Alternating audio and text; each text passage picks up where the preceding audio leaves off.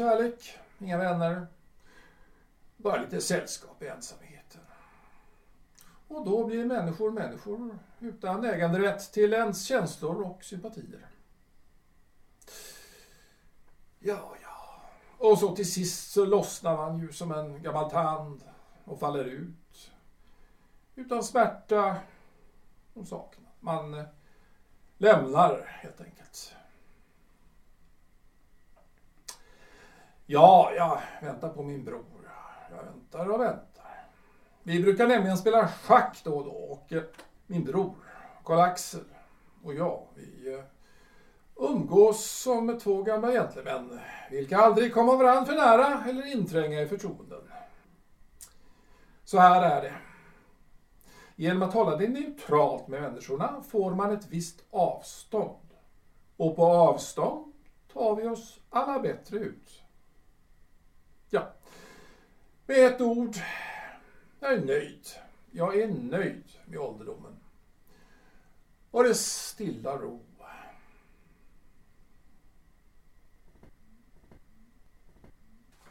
Ja, titta lite i bladet.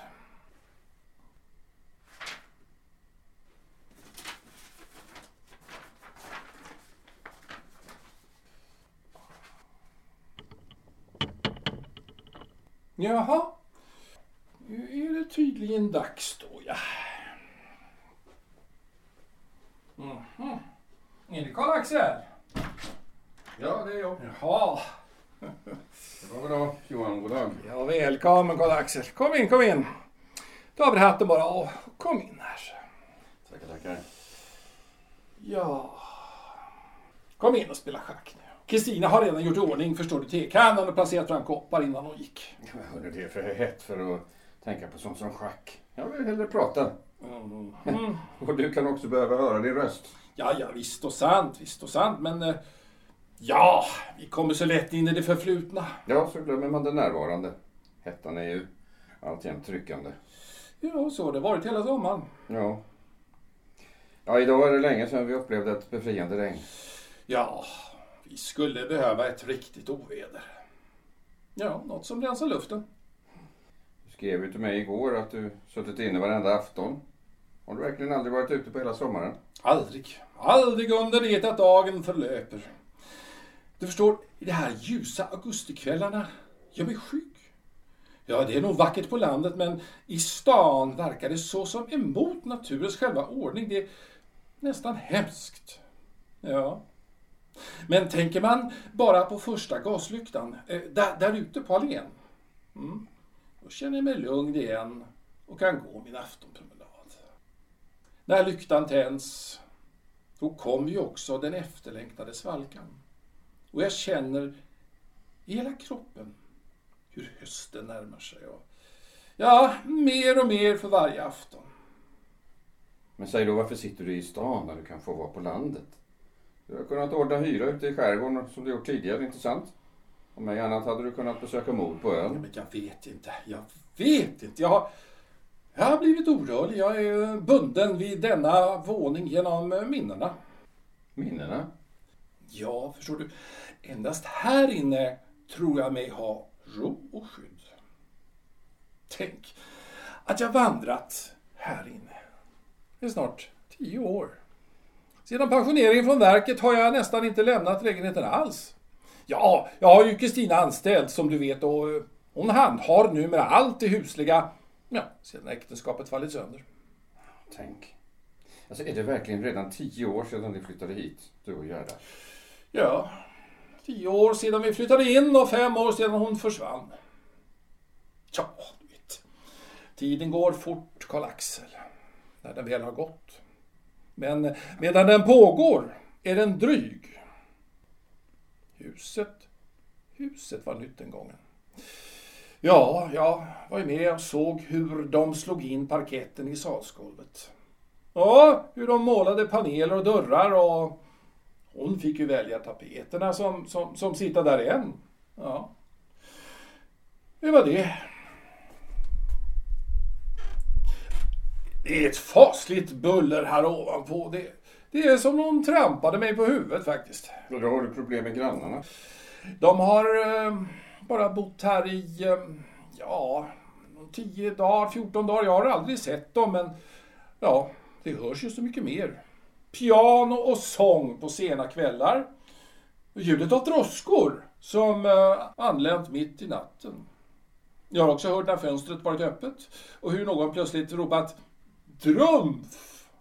Ja, de eh, torde hålla någon slags spelhåla där uppe. Spelhåla? Ja, men även under dagtid händer det saker. Det, se, se nu, titta. Väsnar så att kronan skallrar till och med. Det är, det är alltså nya hyresgäster? Ja, du skrev till mig att ni hade i huset ett dödsfall mitt i sommaren. Ja, vi hade ett tyfusfall. Det var en bankkamrer fick jag veta och så... Ja, så stod våningen ledig en månad. Innan dess kom kistan ut. Sedan änkan, barnen, sist möblerna. Ja, det var alltså en trappa upp. Här ovanpå ja. De nykomna känner jag ännu inte. Och vill inte heller känna. Men eh, det ska sägas. Detta brukar vara ett tyst hus. Man talar inte så mycket. Man talar inte så mycket grannarna emellan. Vilket passar mig bra. Du har alltså aldrig sett dem? Kan man verkligen undvika att lägga märke till vilka som går ut och in genom porten? Som sagt, jag går ju aldrig ut förrän det skymmer och eh, nu har hettan, nu har hettan hur som helst varit outhärdlig. Som du ser har jag fördragna gardiner överallt. Ja, ser? Och där. Ser där? Ja. Det enda jag vet är att han heter Fischer. Ja, du har väl viss kontakt med, med de andra grannarna? Ja, alltså bara när jag möter dem på gården eller i eh, trapphuset. Jag frågar dem aldrig om något. Den som erbjuder sig självmant att tala med mig, det förtroendet mottar jag utan att missbruka det sagda eller inblanda mig i deras förehavanden, deras problem. Ty jag, jag är mån om ålderdomens ro. Ja, ålderdomen. Jag tycker det är skönt att bli gammal, ja. Ens tillmätta livslängd vet vi ju inget om, men vi, men vi kan börja summera så smått. Ja, ja visst är det skönt. Ja, jag gör upp mitt bokslut med, med liv och människor och ja, jag har redan börjat packa in till resan. Ja, nåja, det är väl ingen brådska. Ja, det är sant. Ensamheten är ju si och så med, men eh, när ingen har anspråk på ens person så är ju friheten vunnen. Alltså, friheten att få gå och komma, att tänka och handla, äta och sova efter eget val. Är du nöjd med Kristina fortfarande? Ja, det var ju på min rekommendation som hon städslades hos dig. Mycket nöjd. Mycket nöjd. Jo då. Hon är lugn, tyst och arbetsam. Hon verkar vara nöjd med sakernas tillstånd. Men, eh, ska hon inte snart gifta sig? Inte vad jag vet. Synes ingen fästman? Varför frågar du det?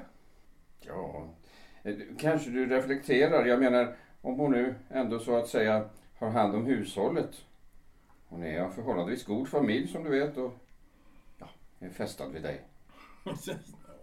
nej tack du, nej tack du. Och det vill jag säga, hon är inte fästad det minsta vid mig. Är endast glad över att ha anställning. Och väl kanske också att jag inte besvärar henne annat med, eh, ja, vissa allmänna jeremiader. Hon får sin lön som hon ska. På eftermiddagarna fria efter lunchen. Ja, idag besöker hon för övrigt sin eh, moster i Vasastaden. Men eh, jag tycker du insinuerar något här. Nej, ursäkta, jag, jag, jag vill inte göra dig upprörd. Upprörd? Skulle jag vara upprörd? Nej, nej. Inte jag upprörd, inte. Nej, inte det minsta. Inte det minsta. Nej, nej, nej. Nu får det faktiskt vara nog med äktenskapliga experiment. Jag har bara funderat på saken då, då hon varit hos dig så länge nu. Och du har väl eh, ja, saknat kvinnlig närhet? Har du inte? Nu ska jag berätta för dig, Karl-Axel, eftersom det tydligen behövs. Då jag gifte mig sista gången med Gerda. var jag icke för gammal eftersom vi genast fick barn. Men nu, nu är jag det. Nu vill jag åldras i ro. Tror du att jag vill avhända mig liv, ära och gods? Va? Ja, liv och gods fick du väl behålla om du skulle gifta dig igen. Ja, var det någon skavank på äran då menar du? Va, va, va? Vad menar du? Ja, vet du inte det? Vad vill du säga med det? Men Gerda mördade din ära när hon gick, eller hur? Alltså, säg det. Nå, då har väl jag gått omkring här då i- fem år som mördad utan att eh, veta det. Ja, men i hennes stämning in till rådhusrätten så anförde hon ju brister i din karaktär. Ja, du avvisade henne ofta på ett för henne kränkande sätt. Ja, Låste om dig när du satt i arbetsrummet. En eh, kompakt tystnad kunde följas av raseriutbrott och så vidare. skulle jag, skulle jag få raseriutbrott? Raseriutbrott? Ja?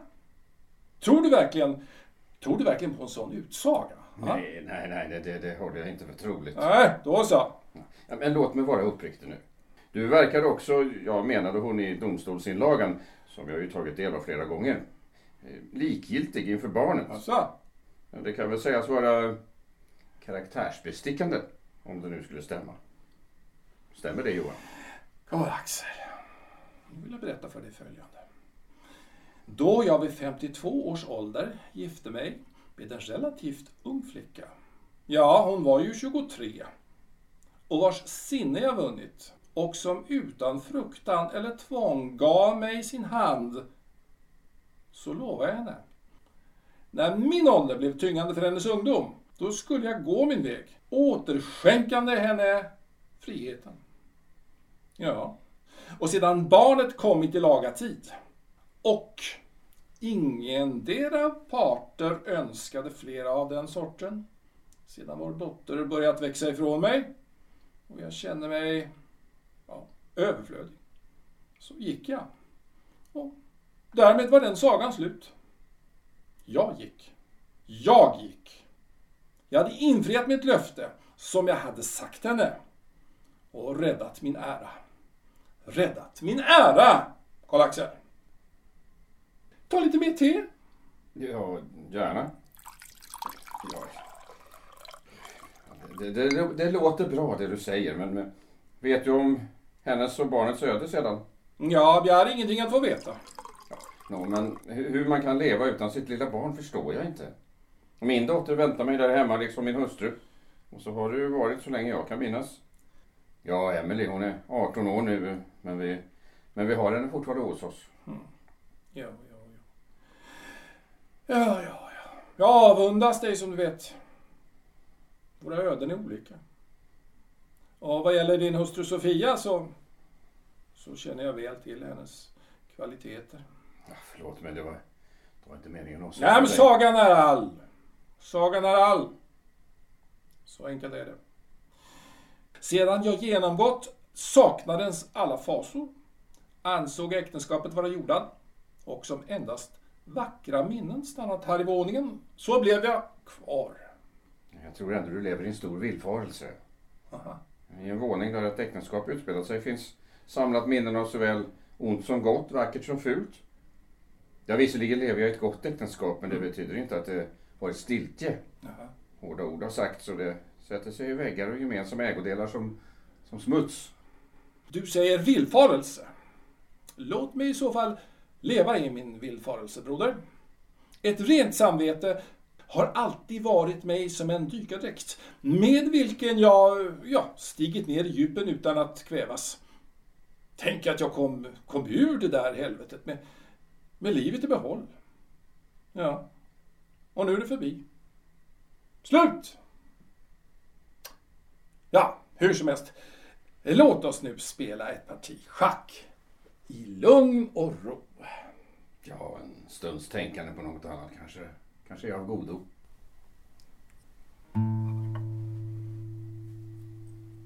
Ja, ja, ja, ja. Låt oss nu avbryta spelet en stund. Nu är hettan alltför påträngande. Som du vill. Ja. Om det ändå kunde bli lite svalka du. Om ändå den första lyktan kunde tändas snart. Ja, ja avskyn av svetten rinner ner för halsen och får skjortan och klibba mot huden. Klockan är bara något över tre. Det brukar vara den tid då solen är som värst. Eftervärmen ligger i huskropparna och så hettan på det. Hm. Nåja, låt oss tala om något annat. Du kanske blir förvånad men... Eh, men din ensamhet plågar även mig. Min egen bror tror sig ha, ha valt ensamheten med vilje. Eh, hallå där. Man eh, väljer inte mellan det möjliga och det omöjliga. Gör man inte? Nej. Man väljer inte mellan det möjliga och det omöjliga. Bara en dåre väljer det som är omöjligt. Men ser du ingen möjlig förändring? En förändring till något bättre? Bättre, säger du? Nej, nu ska du inte komma här och rubba mina cirklar. För det har du inget för. Vad vill du jag ska göra? Ska jag flytta kanske? Ja, jag tror det skulle göra det gott att flytta. Jaha. Är det så konstigt att jag frågar? Du har inte hört på vad jag sagt. Endast här. Endast här. I lägenheten, i huset. Endast här finner jag frid och ro. Jag lever blott i ljusa minnen. Kära bror, du, du väljer naturligtvis ditt liv. Men eh, låt oss spekulera en smula. Om, om du finge välja mellan framtiden och det förflutna. Då skulle jag naturligtvis välja framtiden. Om det fanns någon. Men för mig finns ingen annan framtid än att leva i ljuset av mina minnen. Men är inte dina minnen blott spöken ur ditt förflutna? Det spökar icke. Det är, eh, det är mina dikter på vissa verkligheter. I alla fall. Ja, i minnet då. Men vem av de två är den vackraste hägringen? Kvinnan eller bardet? Mm, båda. Ja, jag kan inte skilja dem åt. Och därför sökte jag aldrig heller få behålla barnet. Men var det rätt handlat? Tänkte du icke på möjligheten av, av en för dig främmande styvfar? Jag tänkte inte så långt då, men ja, senare har jag nog reflekterat. Men kan ju inte att göra. Ja, men en styvfar som, som kanske misshandlade din dotter? Jag... eh, Men vad är det som sker där uppe? Vad det än som sker där uppe så är det något skevt. Vill du att vi går dit upp och knackar på? Nej, nej, nej. Jag vill inte lägga mig i andras angelägenheter. Det leder ovillkorligen till fler och djupare konflikter. Inget löses. Ingenting. Allt jag vill ha är lugn och ro. Nå, då tycks ha slutat nu. Ja, ja, ja. Mm. Det var barnet som var det bästa. Att se denna oförskräckta lilla varelse som, som ingenting fruktade, ingenting anade av livets svek, inga hemligheter hade. Jag minns hennes första erfarenhet av människors ondska. Hon, lillan alltså, fick se ett vackert barn nere i parken. Och hon gick med öppna armar emot den okända för att kyssa det vackra barnet. Mm. Då besvarade hon vänligheten med att bita henne i kinden och sedan räcka ut tungan. Ja, du skulle sett henne då. Hon stod som förstenad. Icke av smärtan, men av fasan att se hela denna avgrund öppna sig som kallas människohjärtat. Ja. Men eh, varför sitter vi och talar om det här? Är det värmen och, och är det åskvädret eller vad, vad är det som gör det? Ja, ensamheten ger dig tunga tankar. Den här sommaren i staden tycks ha knäckt dig. Ja, ja, ja. Det är de här sista veckorna bara. Sjukdomsfallet med tyfus, liket de fann i våningen ovanför. Allt kom över mig så att jag, jag nästan gick igenom det själv. Ja. Nu drömmer jag nästan var natt om lillan. Jag ser henne i faror, okända utan namn. Och innan jag somnar då örat skärpes alldeles otroligt och hör jag hennes små trippande steg. Och en gång hörde jag också hennes röst. Ja. Skulle jag möta henne nu skulle jag förmodligen förlora förståndet eller, eller falla till marken. Varför det? Ja, jag ska berätta för dig Karl. Jag ska berätta för dig Karl Axel. Ty jag har ingen annan förtrogen. Så här var det. En gång i min ungdoms dagar hade jag varit iväg för studier utomlands. Ja, du själv var då hos mor på Skärgårdsön och när jag kommit tillbaka till huvudstaden med båt och klivit i land fann jag på bryggan en främmande flicka som helt oväntat hjärtligt tog mig i handen och eh, önskade krama mig. Jag, jag såg med fasa tvenne ögon som, som, som trängde in i mina. Med blickar som, som uttryckte den hemskaste förskräckelse över att icke vara igenkänd. Det är jag. Det är jag, upprepade hon flera gånger. Innan jag kände igen vår syster. Sen såg jag hur far också närmade sig oss båda för att hälsa mig åter. Ja, ungefär så föreställer jag mig ett återseende med min dotter idag. Efter nästan fem års frånvaro blir fadern oigenkännlig för sitt barn och barnet oigenkännligt för sin far. Utan egen förskyllan. Nåja, skuldbördan må väl i alla fall kunna diskuteras. Ja, tänk dig skräcken. Tänk dig skräcken! Att inte känna igen sitt eget barn. Densamma, men ändå främmande. Jag skulle icke överleva det. Nej, nej, nej, nej, nej, nej. Då behåller jag hellre lillan som hon är här, här, förevigat på fotografiet på väggen. Mm. Vid hemmets altare. Där är hon. Du ser, och modern. Ja. Så vill jag minnas min dotter. Ja, men det är ännu möjligt att, att bryta en sån ond cirkel i ditt sinne, Johan. Icke en ond cirkel utan en god. Ja, om ej annat kommer barnet att vilja möta dig när tiden är mogen. Nej, nej, nej. Hon kommer att hata mig eftersom jag har ratat hennes mor. Du hinner fortfarande försonas med henne. Nej! Nåväl. Låt oss avsluta schackspelet utan att veta vem av oss som vann. Det betyder nämligen att inga förlorare finns. Ja, ja, ja. Det kan vi ju göra. Hur som helst. Jag behöver sträcka på benen. Ja. Herregud. Nu mindes jag plötsligt. Vad gäller det? Ja, men jag har ju lovat att ringa mor.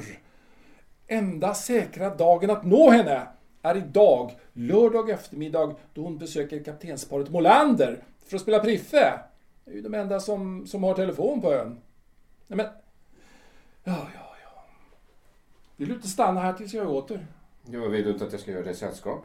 Nej, nej, nej. Eh, bara ner till eh, telegrafstationen i närheten här. Jag är nog snart tillbaka. Ja, så du utmanar hettan i alla fall? Ja, det är en kort promenad. Men, men samtalet kan ju bli något längre. eh, Som du förstår. Mor menar sig ju ha mycket viktigt att säga, som du vet. Jo, det känner jag väl till. Familjens besök hos henne förra månaden handlade framförallt om att lyssna och, och icke säga emot. Men hon blev ju så glad av barnbarnets närvaro så det var det, var det värt. Hon lyste upp.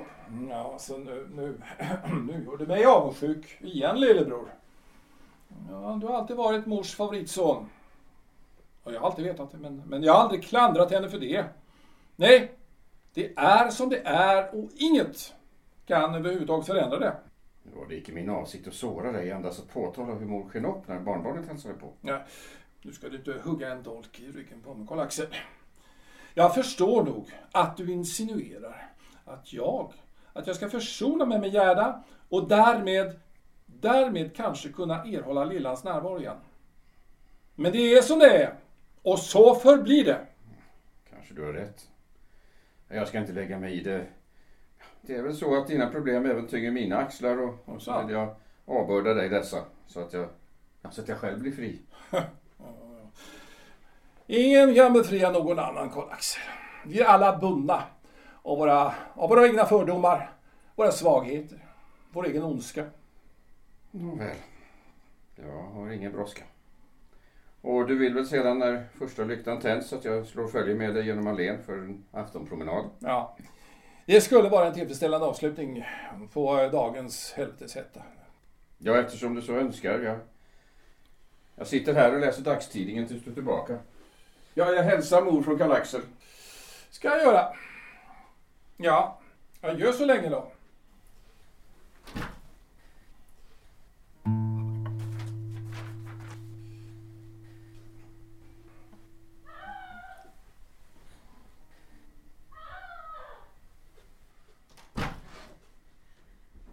Men Advokaten? Gerda, var det, var det du som skrev? Ja. Vad handlade det om? Ja, inget.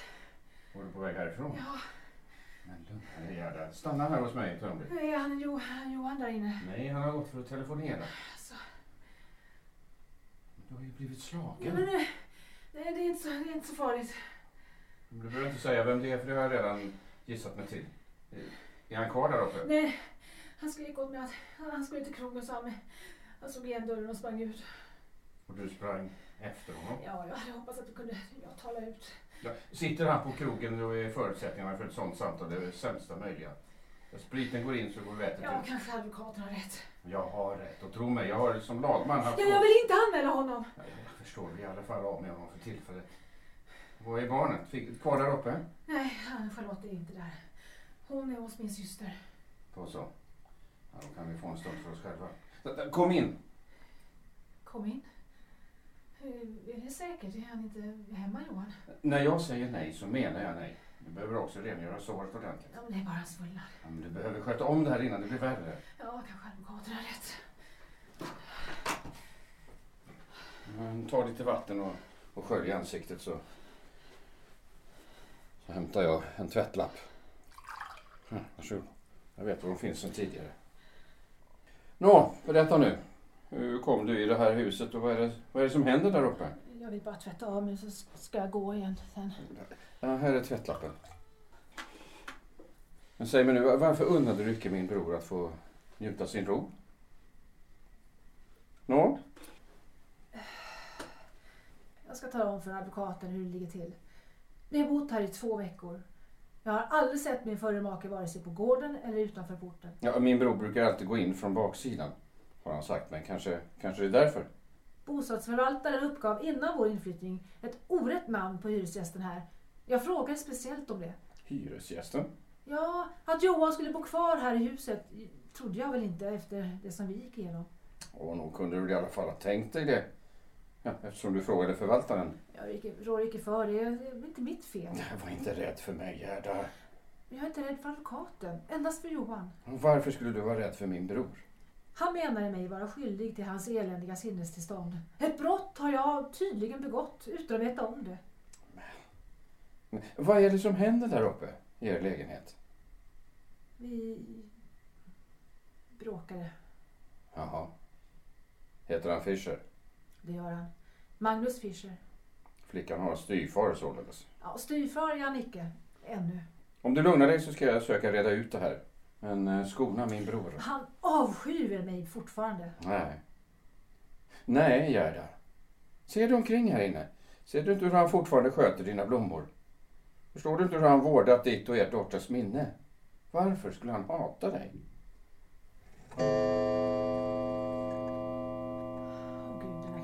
Som jag burit fem år i öronen.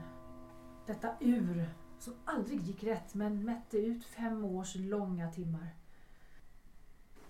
Mitt lilla piano står kvar som när jag lämnade lägenheten. Mina palmer, matbordet. Där han hållit i ära, blankt som en sköld. Och min buffé. I högra lådan, längst in, låg en termometer. Jag undrar om den ligger kvar.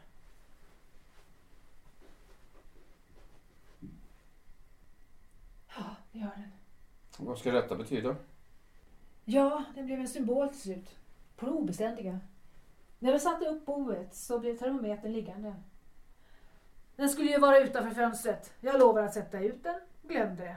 Han lovade att göra det och glömde. Så grälade vi på varann och slutligen, för att komma ifrån det, så gömde jag den där i lådan. Jag fick hat till den och han med. Vet du vad termometern innebar? Nej.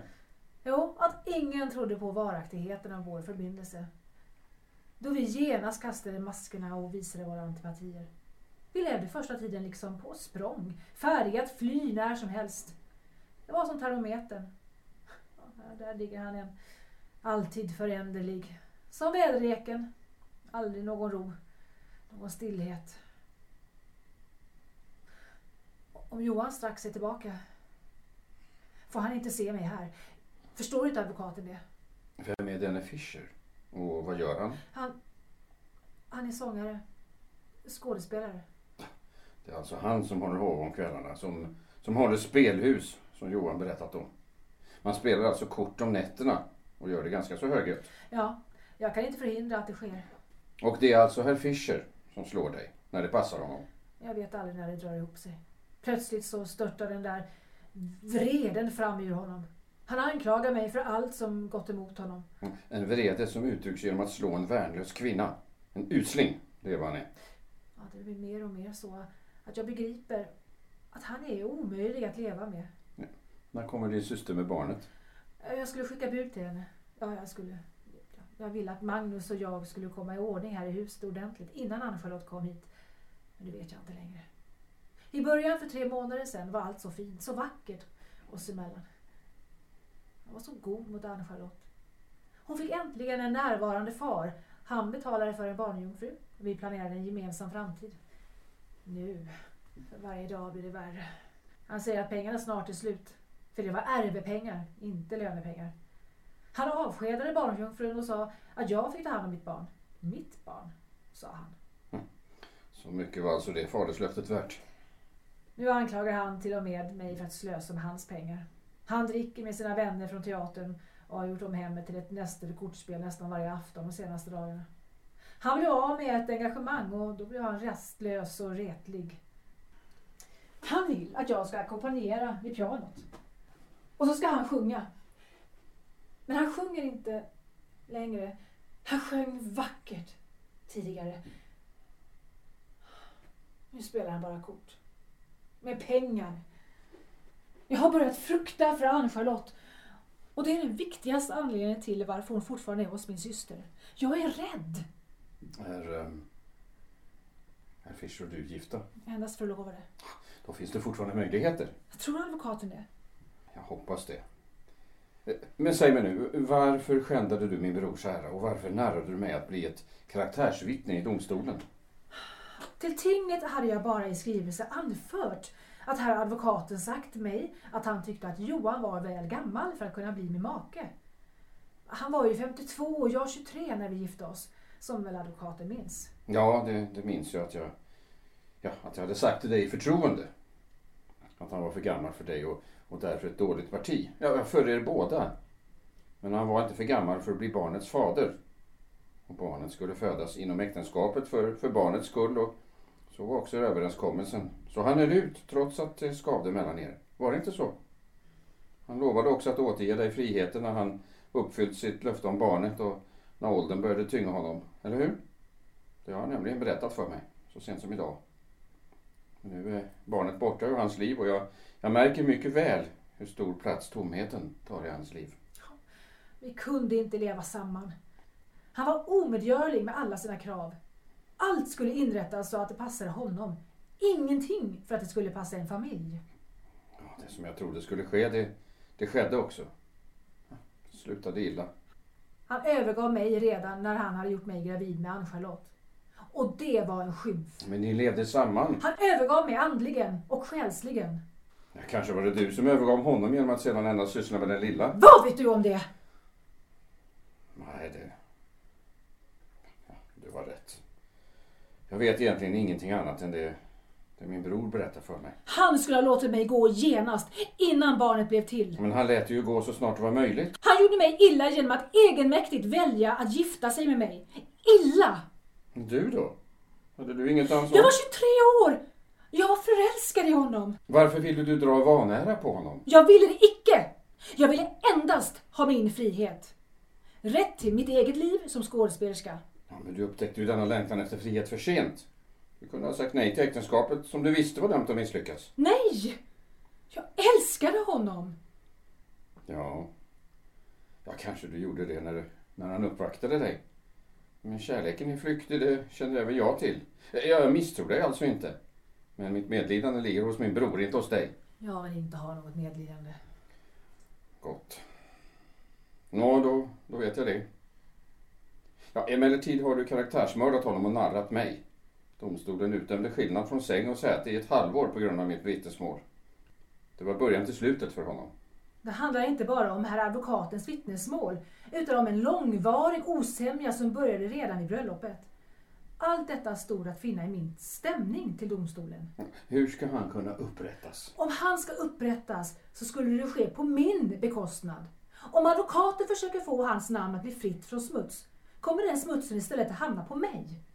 Ja, om vi lämnar upprättelsen av Johan och istället tänker på att rädda barnet, vad, vad ska vi då göra? Det är mitt barn.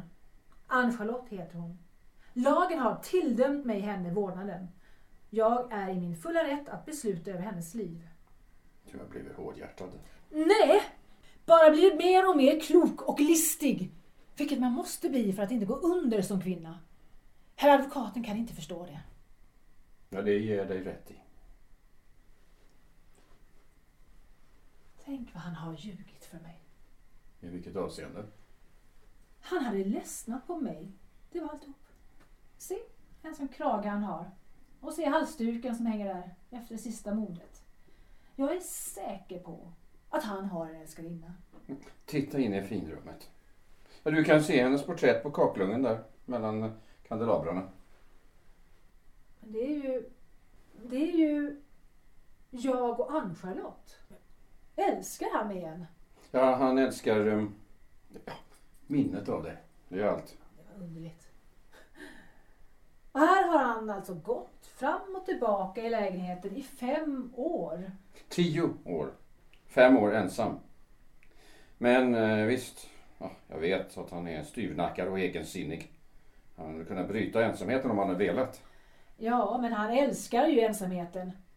Han vill ju inte ens ha mig här. När Ann-Charlotte väl kommit blev han ytterligare tvär och butter. Han lekte knappt med henne när hon väl började ta sina första steg. Ja, det kan jag inte förklara annat än att han, han har alltid varit trogen sitt arbete som tjänsteman. Kanske han var överlupen med, med uppgifter från verket. Jag förstår inte varför advokaten nödvändigtvis hela tiden ska försvara Johan. Är det bara för blodets skull? Han har väl också en strävan efter att vara objektiv som lagman? Kan advokaten inte pröva att se tingen på mitt sätt? Gerda slår mig ordentligt på fingrarna och jag, jag ger dig rätt. Min oförmåga i just detta fall beror på ja, min skam. På vilket sätt? Jag har ju en gång gjort honom orätt så jag försöker vinna tillbaka hans sympatier för mig. Vilken orätt? Skedde för länge sedan men det, det fråntar mig inte skammen jag känner idag. Jag... ehm, jag stal hans fästmö från honom. Hon... ehm, Sofia. Ja, hon blev min hustru. Kanske jag trott mig kunna läka det såret om jag närmade mig hans ståndpunkter. Stal advokaten Johans fästmö? Ja, Jag vill inte tala om det. Det, det väcker allt för många onda, svåra minnen. Men i alla fall blev hans fästmö Sofia min hustru, mor till mitt barn. Är det då fortfarande skammen som driver advokaten i hans åsikter? Ja, det vet jag inte. Just detta fall är jag förvirrad. Mina juridiska kunskaper mitt intellekt, ja, det hjälper mig inte det minsta. Skammen genomsyrar kanske mitt omdöme utan att jag förstår det. Jag bara vet att jag, att jag gör vad jag kan för att försona det onda som jag gjort en gång i tiden. Ja, utan egen förskyllan. Åh jo, nog är det väl advokatens förskyllan om han tog Johans fästmö från honom. Ja, till mitt försvar vill jag anföra detsamma som Gerda anförde. Jag blev förälskad i henne. I Sofia. Jag... Jag föll. Hon spelade bakom ryggen på min bror ett mycket fult spel. Tills jag vunnit hennes hjärta. Ett moraliskt klander jag dock inte ville vidkännas eftersom det var något som pågick bortom mitt förnuft. Advokaten vet mycket väl att sådana skäl inte är laga skäl i rätten. Han borde ha kunnat lägga band på sig. Eller hur? Det var ju just det som advokaten menade att jag skulle ha gjort när jag blev kär i Johan. Förlåt mig Gerda. Jag, det, är, ja, det är en skam jag får bära med mig i all den lycka som jag samtidigt känner i att ha en familj som älskar mig. Skam kan inte existera tillsammans med lycka. Jag tror att advokaten bedrar sig själv, liksom jag bedragit mig själv i min tro på ett nytt äktenskap och en far till mitt barn. Och det är livet självt som är skevt. Skevt? Och det är en fas i att vara oförstådd. När ett sådant sår uppstår mellan två människor så sker ibland det förfärliga. Att ingen av parterna förmår läka såret. Ens när de båda försöker. Ja, nu hör jag honom i trappan. Han får inte se mig. Ja, gå in till hushållerskans rum så, så länge. Hon är på ärende.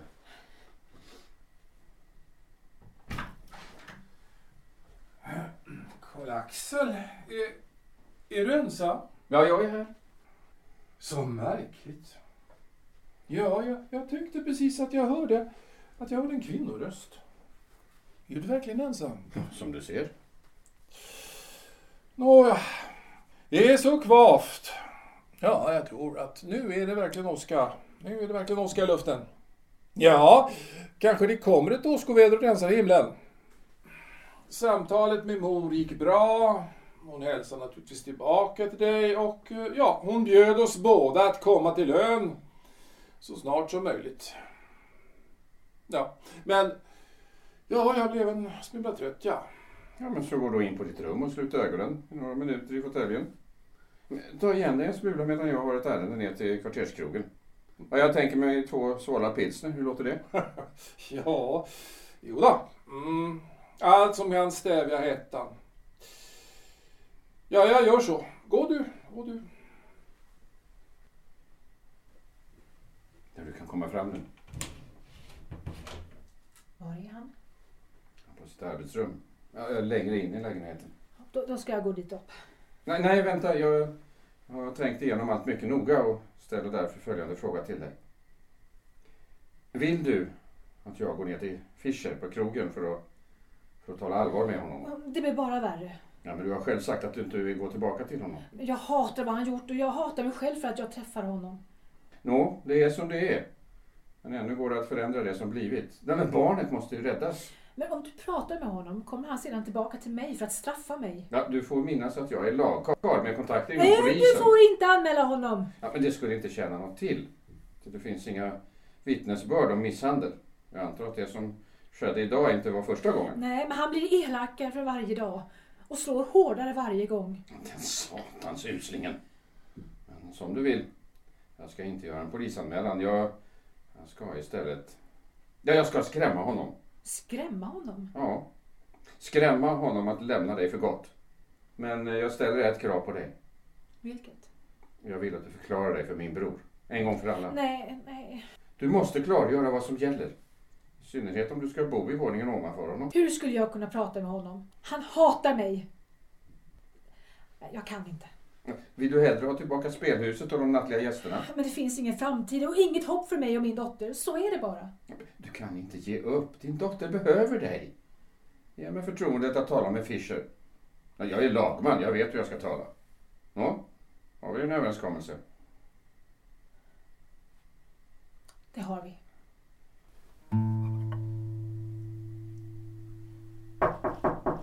Hallå? Va? Är det någon inne? Nej men, herregud vad... Hur har du kommit hit? F- förlåt mig. Jag kom resande. Jag, jag gick förbi och fick se... Jag gick förbi och fick en längtan att återse mitt forna hem. Ja, din bror släppte in mig. Ja, han hade tydligen ett ärende Ja, utåt. så var det. Och så trodde han att det var det bästa om vi två språkades utan honom. Jaha. Är det sig likt, tycker du? Ja, det är detsamma men också något annat. Ja. Är du nöjd med ditt liv? Ja, jag, har det som jag önskar. Och eh, Ann-Charlotte? Jo, hon växer snart tio. Hon trivs och har det gott. Ja, men då ska jag inte fråga mer. Önskar du något av mig? Kan jag, kan jag eh, vara dig till någon tjänst? Jag, jag tackar dig men jag, jag behöver ingenting. Sedan jag sett att du också har det bra. Skulle du vilja träffa Ann-Charlotte? Nej, nej, nej. Jag tror inte det. Jag tror inte det eftersom, eftersom jag hör att hon har det bra. Ja, det är svårt att ta om igen. Det är som, det är som bakläxor som, som man egentligen kan fast en läraren inte tycker så. Ja. Jag kan inte knyta an vid det förflutna på det viset. Det, det är mest svårt att vara oartig men ja, alltså jag ber dig inte att sitta ner här. Du är en annan mans kvinna som jag förstått det och du är inte samma person som jag skildes ifrån. Är jag så förändrad? Ja, så främmande. Röst, blick, sätt, Har jag åldrats då? åldrats. Åldrats, det vet jag inte. Men man säger att på tre år finns inte en atom kvar av människans kropp. På fem år är allt förnyat och därför är du som står där en annan än den som, som satt och led här. Jag kan knappt säga du. Så vilt främmande känner jag mig inför, inför det här besöket. Ja. Och jag antar att det skulle vara samma förhållande om jag skulle träffa min dotter. Men tala icke sådär. Jag önskar hellre att du vore vred. Ja, varför skulle jag vara vred? För, för allt ont jag har gjort dig. Ja, det känner jag inte. Läste du icke stämningen? Nej, nej. Den lämnar jag åt advokaten. Och, och domen då? Du måste ju ha tagit del av skilsmässodomen. Har jag heller icke läst. Och varför skulle jag läsa den? Då jag icke ämnar gifta om mig behöver jag icke sådana papper. Tillåter du? Ja, jo. för all del. Sätter du. Tack. Vad stod det i pappren för slag? Vad var anklagelsen? Att jag var för gammal? Eller var det andra smädelser? Ja, du förledde min egen bror till eh, trolöshet mot mig. Han gick alltså över till fiendesidan. Din sida? Ja. Och vittnade mot mig. Att jag var för gammal. För gammal. Men uh, jag skrev precis detsamma i min motstämning. Och anhöll att domstolen måtte återge dig friheten. Du skulle inte längre vara bunden vid äktenskapets bojor. Nej. Det var alltså mitt beslut.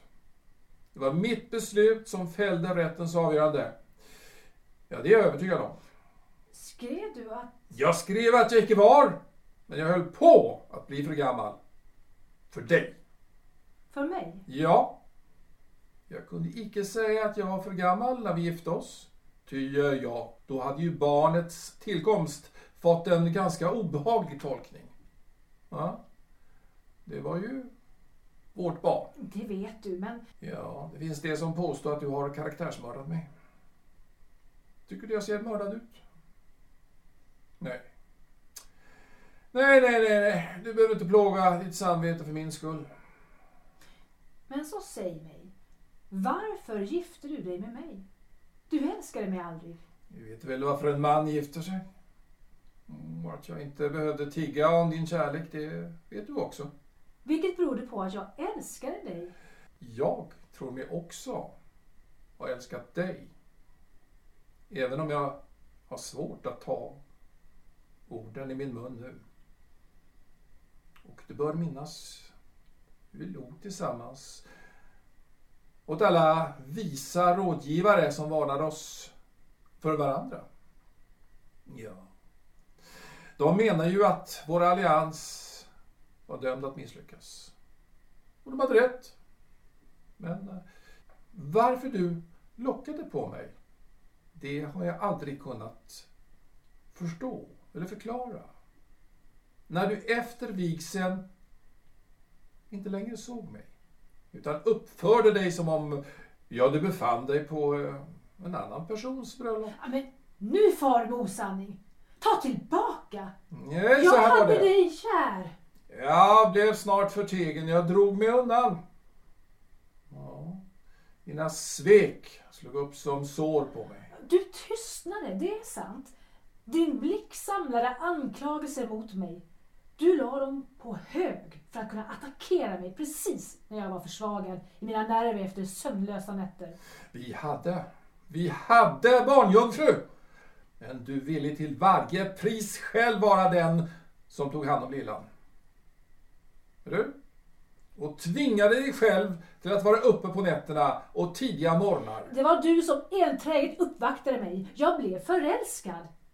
Och när jag väl föll till föga lämnade du mig strax. Så vore jag ett nedlagt byte av ett rovdjur. Ett rovdjur? Och jag vill att du ska veta att din bror har aldrig varit emot dig. Han följde bara sitt samvete när han i rätten vittnar om det betänkliga i att, att du skulle äkta en kvinna hälften din ålder. Nåja, nåja, nåja. Min bror har sedermera ångrat sig. Det värsta av allt, det värsta av allt, det var att du väckte tvivel. Du väckte tvivel om ditt barns äkta börd med ditt tanklösa prat. Det var ett förfluget ord efter det att du kränkt mig till tårar. Och de orden jag sagt har jag tagit tillbaka. Åter och åter. Som du vet. Du och ingen annan är fadern. Ett utfluget ord kan icke tas vid vingarna igen. Du byggde ett helt torn av lögner. Och sen var det så att det lögntornet ramlade över dig. Jag ska gå. Magnus kommer snart tillbaka. Alltså? Ja, jag måste vara tillbaka i vår våning när han kommer. Nej, man kan nog vänta ett tag. Ann-Charlotte ville ha en far, men hon fick honom först efter skilsmässan. En styvfar är icke en far. Ett barn måste ha en far. Du lämnade mig åt mitt öde. En sak ska du veta Johan. Det har aldrig varit med avsikt att förödmjuka dig.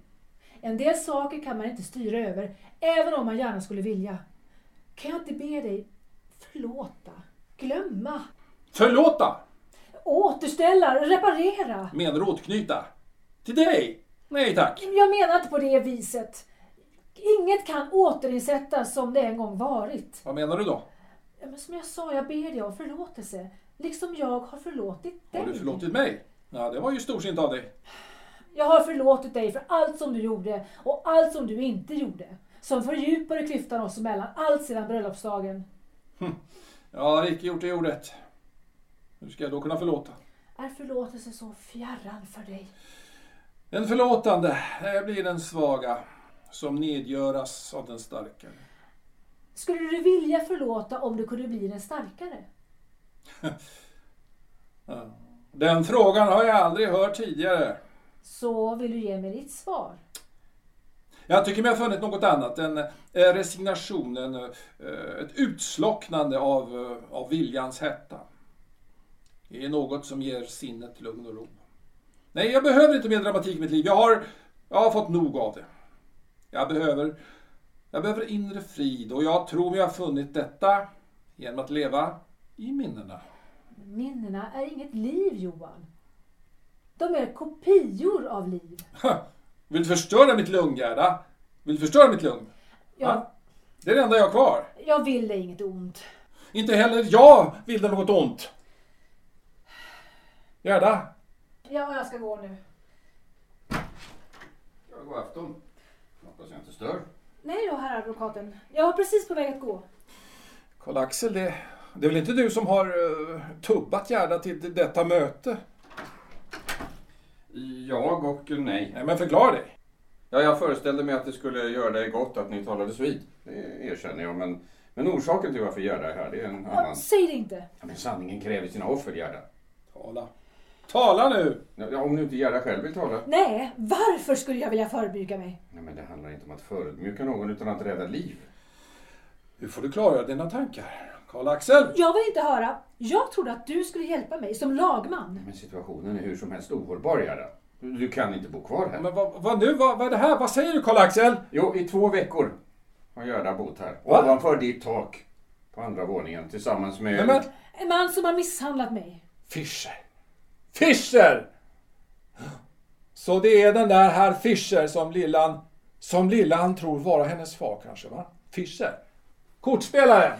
Ja, Magnus Fischer är hans namn. Och vad är detta för slags människa? En skurk. En usling, en djävul. Ja, nu måste jag sätta mig igen. Men jag förstår inte. Jag förstår inte. Ni är alltså den familj som flyttade in efter det att liket förts bort. Tala inte om lik. Men eh, var är så Ann-Charlotte? Hon är hos min syster. Och Fischer? Ja, där kan jag komma in och berätta något. Jag har nämligen träffat herr Fischer nere på kvarterskrogen och jag har... eh, Vad har du gjort? Jag har... Ja, låt oss säga att jag har talat honom till rätta. Vilket betyder? Det betyder att jag sa åt honom att jag visste vad han hade gjort mot dig, Gerda. Jag sa att jag var lagman och att en polisanmälan kommer att upprättas för misshandel och fler åtalspunkter.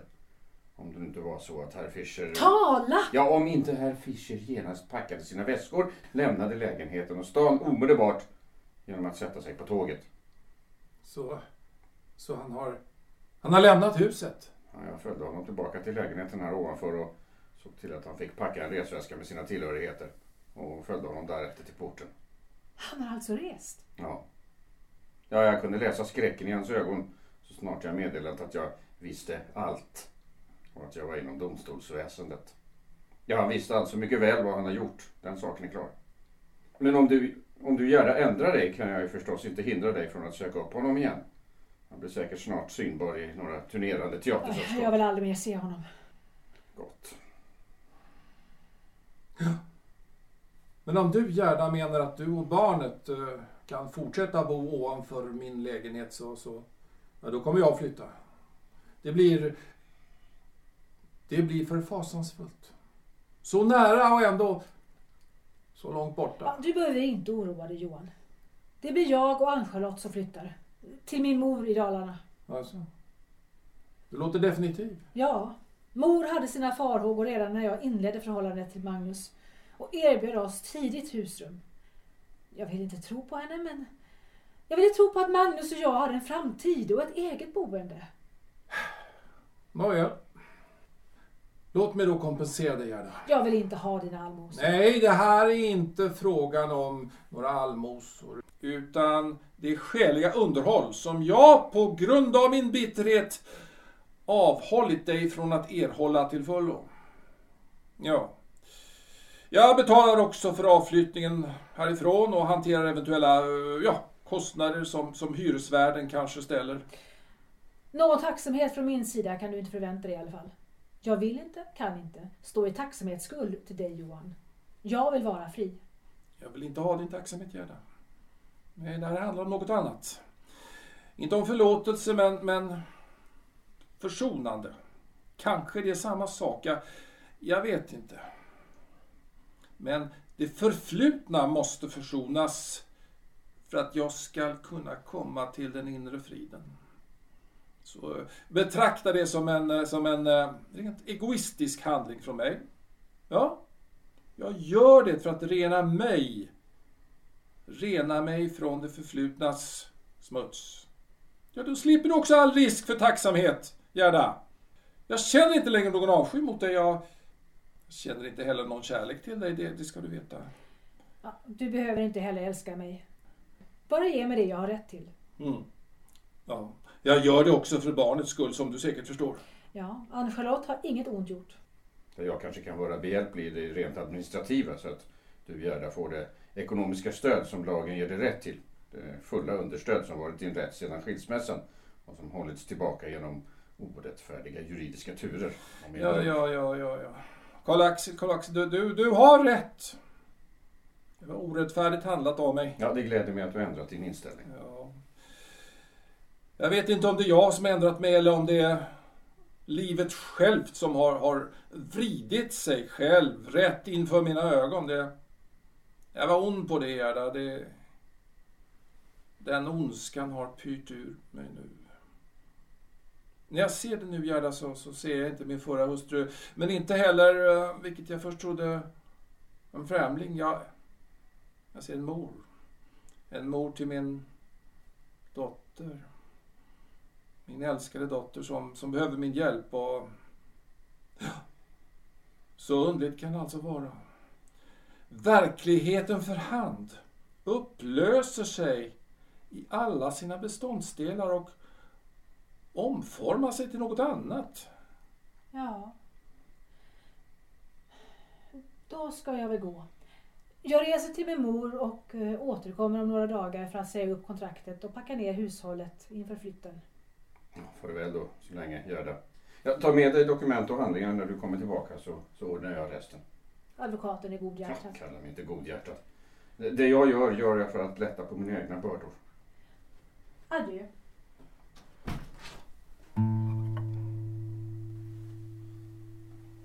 Nå, ska vi ta vår aftonpromenad, Johan? Ja, det ska vi visst göra, Karl-Axel. Se, känn. Åskan och regnet har rensat luften. Det är lättare att andas, märker du det? Märker du det? ja. Och se, där, där borta. Tänder de första lyktan. Där borta på Avenyn. Ja. Som jag längtat.